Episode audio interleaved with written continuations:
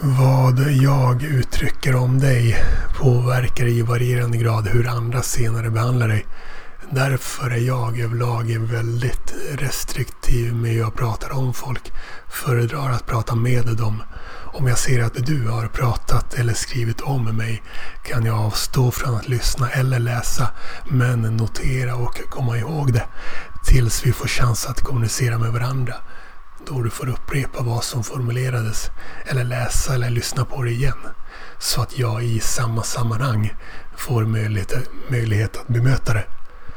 Om du värnar om ords betydelse och kan tänka dig hur ganska så samvetslösa men följda ledare kan vilja beskriva öppna rasister för att själva bli mer populära kan du kanske förstå hur skevt det kan bli och att du kan vara bättre än så.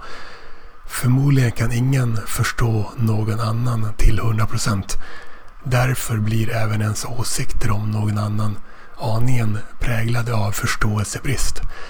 Men alla sorts åsikter om mig, till exempel fan vad jag hatar honom, är alltid okej. Okay, om andra upplever det som yttras som just åsikter. Om andra upplever det som yttras om mig som verklighetsbeskrivningar, trots att det är missvisande, är det desto mindre okej. Okay. Folk som vill illa förstår ofta svårigheten, svårigheten i att med bara åsikter skada någon som kallar sig själv för rasist. Därför går de vidare längre över till det, till det lögnaktiga.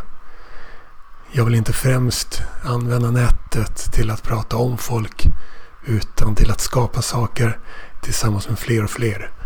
Förvräng inte den bild som potentiella samarbetspartners har eller får av mig. Tyck. Hitta inte på